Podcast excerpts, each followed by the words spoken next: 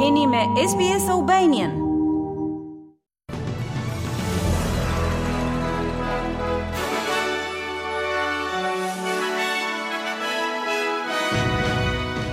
Në buletinin e sotëm informativ do të ndiqni. Qeveria australiane njofton një operacion të ri të përbashkët kundër kërcënimit në rritje të krimit kibernetik. Një kompani energjetike që shkatërroi një vend të shenjtë aborigjenas nuk ka marrë pjesë në pajtim dhe në sport, Australia në finalen e Kupës së Botës rugby, pasi mposhti rivalët e vjetër të Zelandës së Re. Dhe fillojmë gjerësisht me lajmet. Qeveria australiane ka njoftuar një model të ri të policimit të sigurisë kibernetike pas hakimit të Medibank. Ministrja e Punëve të Brendshme, Claire O'Neill, ka dënuar hakimin, duke e quajtur atë një shkelje të privatësisë nga banditët rusë. Drejtoria Federale e Policisë dhe Sinjaleve Australiane do të udhëheqë operacionin kundër krimit kibernetik, ndërsa ministrja O'Neill ka siguruar australianët se operatorët kanë punuar më parë me shpejtësi për të minimizuar dëmin prej hakerave në kompaninë Optus. Zonja O'Neill thotë se operacioni i përbashkët do të jetë një forcë e përhershme që synon të parandalojë sulmet kibernetike, në vend që thjesht të operojë pasi ato të kenë ndodhur. Ajo thotë se qeveria është pranë klientëve të Medibank në këtë kohë të vështirë. You're entitled to keep information about your health, whatever it is, completely private. It doesn't matter. Ju keni të drejtë ta mbani privat informacionin për shëndetin tuaj, çfarëdo qoftë ai, Nuk ka rëndësi kush jeni apo çfarë mund të jetë ai informacion. Kjo është e drejta juaj. Kjo e drejtë ju është vjedhur nga banditët rusë. Mesazhi ynë për ju sot është se hakerat duhet të kenë kujdes. Ekziston një opinion në komunitet sikur nuk do të mund të bëhet shumë për të sjellë kriminelët kibernetikë përpara drejtësisë dhe kjo nuk është e vërtetë, ka thënë ministrja O'Neill. Një kompani energjetike që shkatërroi një vend të shenjtë aborigjen në Australinë e Jugut nuk ka marrë pjesë në pajtim, pasi një hetim zbuloi se kompania ishte në shkelje të udhëzimeve ndërkombëtare. Vendi mitologjik Davenport, pranë Port Augusta, u shkatërrua në vitin 2020 gjatë ndërtimit të një linje energjie me tension të lartë 270 kilometra. Kujdestarët aborigjenë të regjistruar të sitit duhet të ishin kontaktuar nga kompania sipas ligjeve të trashëgimisë së Australisë Jugore, por kjo nuk kishte ndodhur. Ata thonë se kompania energjetike ElectraNet shkatërroi me buldozer dunat që ishin një vend takimi për fiset nga shkretirat perëndimore dhe grupet e liqeneve qendrore. Presidenti i një anije lundrimi që ka brenda me qindra njerëz të infektuar me COVID-19 dhe që është ankoruar në portin e Sidnit këtë mëngjes, ka siguruar publikun se ekzistojnë protokolle të rrepta të sigurisë. Pasagjerët që rezultuan pozitivë do të zbarkojnë nën kontrollin e autoriteteve të anijeve turistike dhe u është thënë të marrin transport privat për në akomodim ku mund të izolohen në mënyrë të sigurt. Shërbimet shëndetësore të emergjencave thonë se kudo në New South Wales priten reshje shiu dhe stuhi, duke ngopur ujëmbledhësit tashmë të mbushur plot dhe duke përmbytur shumë pjesë të shtetit. Ministrja për Shërbimet e Emergjencave, Steph Cooke, po u bën thirrje banorëve të qëndrojnë vigjilentë dhe t'u përgjigjen të gjitha urdhrave të emergjencës.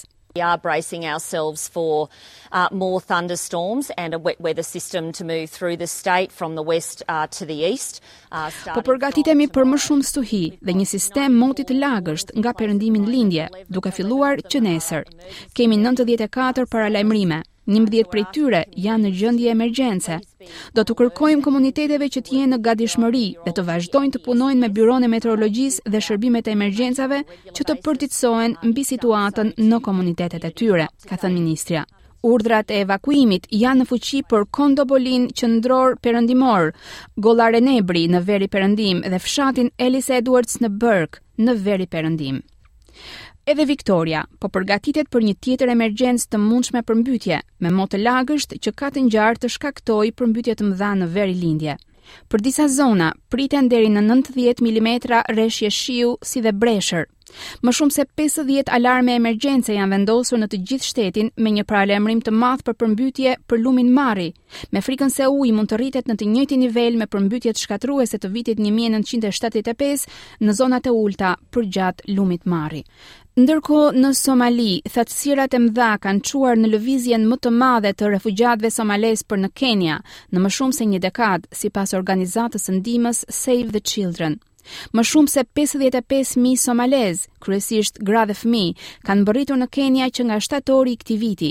Qindra njerëz vlerësohet se po mbërrijnë çdo ditë në tre kampet në Dadaab, në kërkim të ushqimit dhe strehimit, duke ikur thatësirës më të keqe në 40 vjet, si dhe nga konflikti i vazhdueshëm.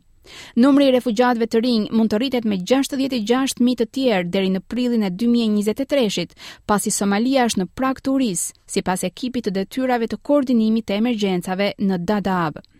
Kjo është hera e dytë që thatësira i shtyn refugjatët nga Somalia në kompleksin tashmë të mbipopulluar të refugjatëve, i cili strehon më shumë se 200.000 refugjatë.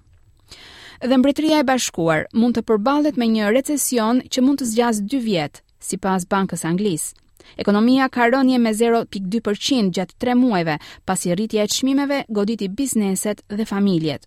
Mbretëria e Bashkuar e pret recesionin për shkak të disa faktorëve, duke përfshirë rritjen e çmimeve të ushqimit, karburantit dhe energjisë, si dhe luftës në Ukrainë.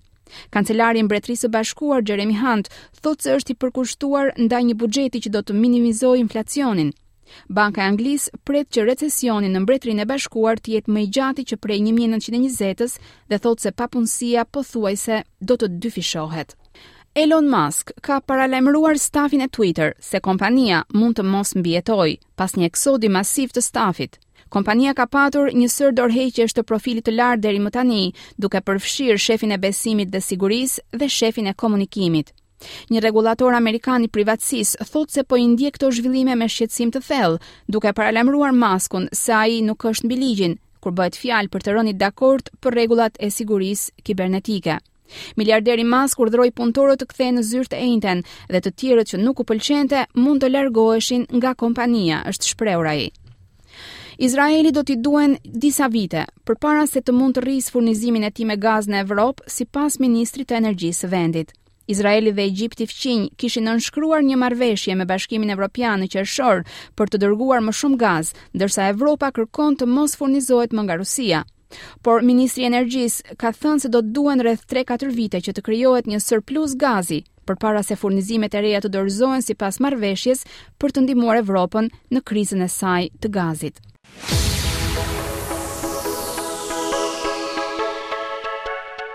Dhe në sport, Australia kalon në finalen e Kupës së Botës në rugby.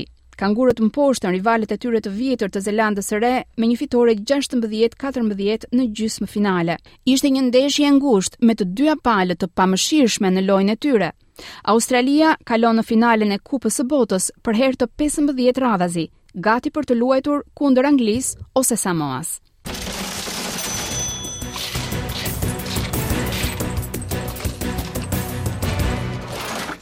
Do të kalojmë tani në kursin e këmbimit të valutës australiane. Një dollar australian sot këmbehet me 76.75 lekë shqiptare,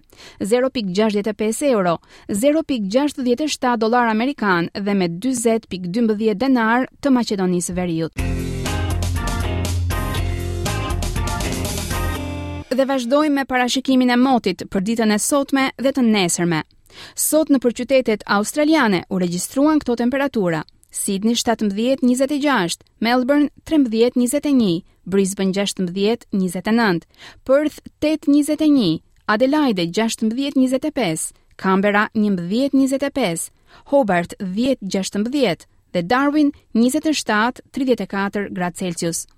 Për nesër byroja e parashikimit të motit sjell këto temperatura.